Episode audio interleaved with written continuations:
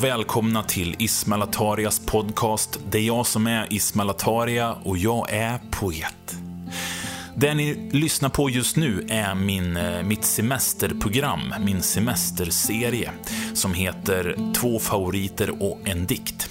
I det här programmet så möter jag Magnus Bergström och vi ska fortsätta och ge varandra tips på kulturella saker som vi tycker om och som vi vill dela med varandra och som vi självklart vill dela med er.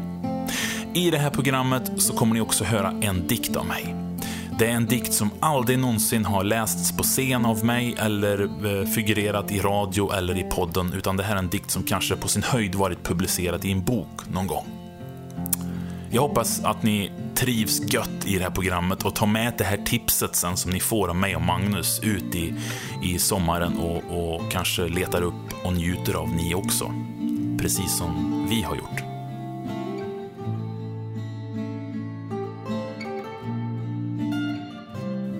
Så, då eh, är det dags igen då för, för, för de här tipsen. Och, och nu är vi ju framme på, ja, vi har väl ingen ordning egentligen på det. inte som att vi tycker det som kommer sist blir bäst, liksom. så kanske inte riktigt. Men vi är på plats, plats två av de här favoriterna som vi ska prata om. Precis. Vad har du i din, i din imaginära säck? Ja, precis. Eh, jag har ju försökt här och eh, när jag gjorde den listan så började jag försöka välja saker att tipsa om som jag verkligen brinner för och som kanske inte så många har, äh, känner till eller eh, har tagit del av. Och det som, det som jag skrivit på andra plats här är en serieroman igen. Jag pratade om serier förra avsnittet också. Och det här är en serieroman som heter Black Hole av en författare som heter Charles Burns. Ehm, och den här boken eh, utspelar sig på 1970-talet i Seattle och är tecknad i en väldigt stilren och eh, eh, snygg svartvit stil. Och den här eh, storyn handlar om eh, tonåringar som råkar ut för, ja, på svenska skulle man väl säga könssjukdom, men egentligen eh, som man säger på engelska då, att det är en sexually transmittable disease säger man ju. Eh, att eh, när de ligger med varann så sprider de en slags sjukdom som gör att de råkar ut för mutationer eh, och utvecklar eh, olika mutationer med kroppen. Till, exempel att de får svansar eller att eh, de kan få en extra arm eller något liknande. Alltså någonting som händer med deras kropp på olika sätt. Mm.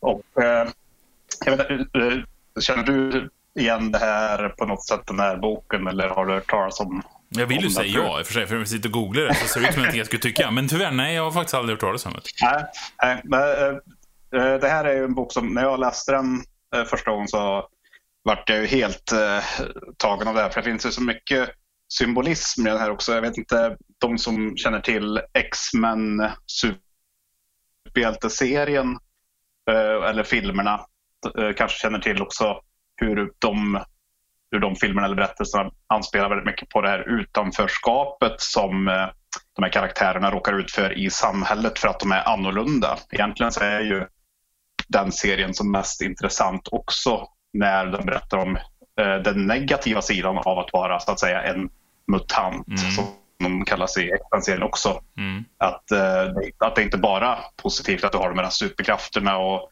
kan rädda världen och allt vad det är utan du ses som ett freak också egentligen. Ja, precis. Eh, och, det, och den här boken drar det också till sin spets att de, de här eh, tonåringarna blir ju som utstötta i samhället på sätt på grund av att de utvecklar de här mutationerna. Och eh, det, det, blir den här eh, känslan av eh, alienation på något sätt också. Rädslan för det annorlunda.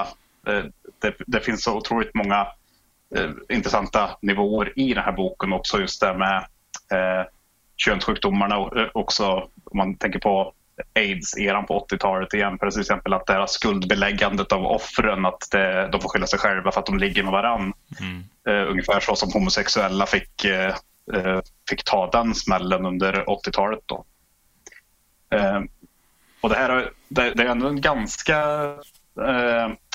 uppmärksammad bok i sin genre. Alltså, uh, The Knife, bandet med Dreyer-syskonen till exempel, de ja, var väldigt inspirerade av den här boken när de uh, gjorde ja, precis. När de gjorde eh, Silent Shout-skivan så Mm. var de väldigt eh, inspirerade av den här. Mm, jag tänkte tydligen. säga det, för att jag ser det på Eh, bilden. Jag sitter och googlar samtidigt och jag ser på bilder att det är väldigt så Ja, liksom ja, stilistiskt eh, svart och vitt och hårt. Liksom, så här. Ja, eh, exakt. Väldigt tydligt och alltså, re- rena bilder. Ja. Det, och det är väldigt, väldigt eh, snyggt eh, ritat på ett sätt, som ja, jag skulle lätt kunna tänka mig att ha en sån bild på väggen. Liksom, att Mm. väldigt... Och, och jag tänker lite så här David Cronenberg när jag ser. Lite så body horror-stuk liksom, stuk på Ja, alltihopa. exakt. det verkar ju väldigt mycket så. Liksom. Exakt. Det, det är en del, en del sekvenser som jag läste som kändes väldigt obehagligt. Eh, Apropå det här vi har pratat om skräckgenren också. Att eh, det här body horror-grejen är ju väldigt påtaglig här med till exempel någon eh, kvinna i boken som att det börjar utveckla sig en vagina under hennes fot och Mm. så här saker som är, är ju- som väldigt, vä- väldigt skruvat och vä- väldigt, eh, ja, Det känns ju Det- väldigt David Cronenberg, bara det. Liksom. Så, så, liksom. ja, ja exakt. exakt. Ja, man har sett David Cronenberg, Flugan och, och, och eh, The Fly, ska jag säga. Inte- Ja, precis. Ja, Jag, jag, jag och sambon såg faktiskt om The Fly häromdagen. Alltså, man är ju man är ju paff varje gång man eh, ser eh, Cronenberg-filmer, helt klart. Mm. Ja, det var lite den känslan jag fick när jag såg det här. Och det finns någonting... Man kan inte sluta titta, liksom. Nej, Den här gamla tråkiga analogin med att man använder typ en trafikolycka, liksom. man kan inte sluta titta. Och det är verkligen så. Så upplevde jag eh, av han. Och jag har lite den här feelingen när jag får se bilder här snabbt. eller Så. Mm. Ja, men grymt. Eh, Black Hole. Och det, det, och, och, och, och, Black Hole av Charles Burns. Också den här har ju varit på gång länge att eh, bli film. Alltså David Fincher var ansluten väldigt länge. Han ville göra film av det här. Mm. Det har inte lyft än, men just nu ligger han faktiskt hos Brad Pitts eh, filmbolag som gjorde 12 years a slave och såna här filmer. Så, Ah. eh, den- den slängs ändå runt bland de stora bolagen och vi får se. Fy fan. Dave Fincher gör det här, då... Men eller också David Cronenbergs son kan också få ett, i och för sig. Så också Ja, precis. har du sett hans senaste? Snabbt bara, liksom så. Den på Possessor, eller? Ja, Eh, ja, jag, jag har inte tagit tag i det än. Jag, Nej, inte jag heller. jag, jag känner när, man, när jag läser om den att jag blir så här, oh, gud, det känns obehagligt. ja, det är just därför jag vill läsa. Ja. Du, det här leder mig in på, på egentligen det här med att se saker som, och fascineras för saker som man tycker fakt- faktiskt är hemskt också. Sådär. Men jag, jag, mitt, mitt tips kan vi komma in på nu ändå. Eh, så är det, alltså jag, jag knarkar Peter Dokumentär. Det är liksom, jag, jag lyssnar på alla och jag lyssnar om på flera, eh, många gånger liksom. Eh, speciellt i bilen när jag åker så lyssnar jag ofta på Peter Dokumentär. Och har man inte hört avsnittet Fallet Linda Chen så måste man göra det. Det är fantastiskt gjort. Det är ett stycke dokumentär. eh, Lik verkligen en karamell är det så. Och det är ett fruktansvärt fall, ska jag säga direkt. Fallet Linda Chen. Linda Chen bodde ju här i Falun faktiskt, där jag bor. Och, och hon blir mördad av sin pojkvän då. Och det är ju jättetragiskt och hemskt på alla sätt. Men, men det... Jag har sån fascination för såna här tragiska, his, fruktansvärda historier liksom. Och det är liksom, eh, den är, och det är just att dokumentären hantverksmässigt är så jävla bra tycker jag. Eh, Man sugs in i det, det är som en skräckfilm nästan ibland, liksom bara lyssna på det så. Och det får, man får rysningar ibland vissa saker så här, för att det har klippt det så himla bra sådär. När, när, när ni berättar att pojkvännen kommer in, det är så genomskinligt också från början att det är han som har gjort det här hemska liksom. Eh, Men det är liksom, de har gjort det så, så, så, så bra så att det finns man liksom sitter på nålar verkligen inför, inför liksom avslöjande sen. Nu, det känns så hemskt att prata så här om någonting som har hänt på riktigt och som inte är faktiskt en... Eh, kanske också för att det är i Sverige och det ligger så nära på något sätt. Men, Ja. men det är jättebra gjort liksom. Och hur han sitter hos polisen så här, och så... Eh, polisen kan se att han, citat, skrikgrät, men det kom inga tårar. Bara en sån rad tycker jag är så jävla creepy. Ja, precis. Men, men det är ju, apropå det du säger med fascination, alltså true crime-genren är ju svår på det sättet att vi, det är ju, man, på sätt och vis är det ju, det blir underhållning av någonting som, eh, som är hemskt på riktigt och har hänt på riktigt och så här. Men eh, just det är i det här hantverket också som PT Dokumentär gör, för de är ju så otroligt skickliga på den här storytellingen också. Så, eh, det, det, man faller ju platt för det helt klart. Jag har ju också haft perioder där jag verkligen har sugit i mig eh, PT Dokumentär totalt. Och just de här eh, dokumentär, dokumentärerna som är om mordfall eller kriminalfall på det sättet är ju... Ja, där, där sugs jag in som ingenting. Liksom. Ja, verkligen. Och, och, och, och, det är just det här Linda, fallet Linda kände avsnittet har de haft tillgång till så himla mycket bra material också, klippt ifrån. Mycket så här med han, mm. pojkvännen gick ut i, P, eller han gick ut i Efterlyst och pratade om det, så här, bara för att försöka liksom jag vet inte varför han gjorde det egentligen. Det, det är ju ingen, ingen stabil person om man säger så.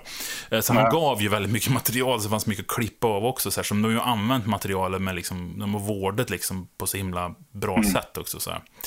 Eh, men det är tragiskt, tragiskt, men fruktansvärt intressant samtidigt. Om man är intresserad av mäns mänskligt psyke och, och intresserad av true crime så tycker jag definitivt man ska gå ut och kolla upp det avsnittet. Mm. Sen finns det ju hur mycket som helst. Har du någon sån här som du kommer på? På rak arm som du tyckte var bra? Ja, alltså, jag, jag, det är många som jag tyckte är bra. Jag kommer inte på vad just det fallet hette, men det finns ett eh, som var ganska tidigt tror jag, Peter dokumentär som handlade om eh, det här var ju tonåringar i högstadieålder tror jag, där eh, en flickvän fick sin pojkvän till att döda en annan klasskamrat. Mm, eller, absolut. Eller, och vid den här tiden jobbar jag själv i högstadieåldern som, alltså för, för högstadieelever alltså som lärare. Och, eh, det, det, här drabbar mig otroligt hårt när jag lys, lyssnar på det. För att det, var så, det kom så otroligt nära in på skinn också. Mm. Eh, men, men, sagt, inte, att, inte på det sättet att eh, bara äckade mig så att, och kändes frånstötande utan också att det kändes så givande på det sättet också bara att få se ja, men hur, hur, eh, hur de här sakerna liksom, eh, utvecklade sig från en tanke hos en person till att det faktiskt ledde fram till mm. det här mordet. Det, det, är ju det som är intressant tycker jag. Och, sånt. och, och likaså tycker mm. jag det är intressant att höra, liksom, jag, jag, kan bli så fascinerad på sådana här nästan eh, makabert sätt hur man trasslar till det i livet liksom. Och jag sitter och lever med mm. och tänker, gud, gud vad ni krånglar till för det. Åh oh, gud, och så mår jag jättedåligt ja. över det. Så kan jag inte sluta lyssna liksom, på det heller så. Och så le, jag, le, jag är ju väldigt så här, så jag lätt lever mig in i saker liksom. Jag lever mig så mycket in i liksom hur det skulle vara att hamna i den där situationen som folk är i. Så här, och så Ja, det, jag götte mig väl på ett sätt i det. Såhär. Men det är ju det är ju liksom en skräckblandad förtjusning och en slags såhär, ja, ja, det, är, men, det är inte lätt att vara människa och stälthet alltså. Herregud. Nej. Precis. Nej, men, eh, det, det finns ju mycket, mycket sån högkvalitativ, högkvalitativ eh, true crime som eh, alltså, Peter Dokumentär är ju verkligen experter på det här. Men eh, som The Jinx, om du har sett den på HBO. Eh, eller många, många kanske har sett Making a Murder på Netflix till mm, exempel. Det är en liknande story också. Eh, så, Men det, det, är någonting när man får nej, lyssna, tycker jag, och, och, och se liksom själv ja, bilderna så, på något sätt. Jag tycker att det blir nästan bättre och sådär. Ja, exakt. Det är ganska stor, det är ganska stor konst också att lyckas få ge bilderna till lyssnaren på det. Så det är ganska stor konst, tycker jag.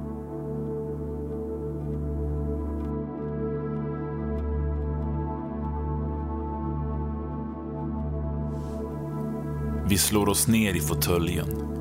Sysslornas takhöjd känns monumental och stuckaturen runt vår längtan ligger som en krans av stress över våra utbrunna slagfält till liv. Ja, en tuff dag på jobbet eller upptakten till en influensa.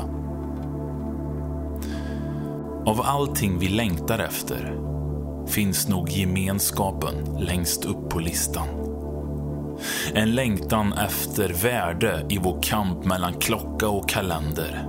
I alla de roller vi tvingats på. Våra ruiners utdöda ateljé. Där slappa ansikten hänger på sina spikar och gapar med stängda ögon. Alla dessa dagar utan vind. Då vi hissat kontaktannonser och sett dem slicka stolpen alla signaler vi skickat ut i hopp om bättre. Att en främling en dag ska se oss i folkvimlet och dela flocken. Som i ett rapsfält av tystnad dra en väg fram till oss och säga Jag har sett dig kämpa. Jag känner till den ensamhet du upplever. Men lita på mig när jag säger att du har mitt sätt att gå. Du har mitt sätt att tala. Och du är inte ensam om att höra molnen skrapa med sina hovar. Du är inte ensam i din längtan efter vad som helst.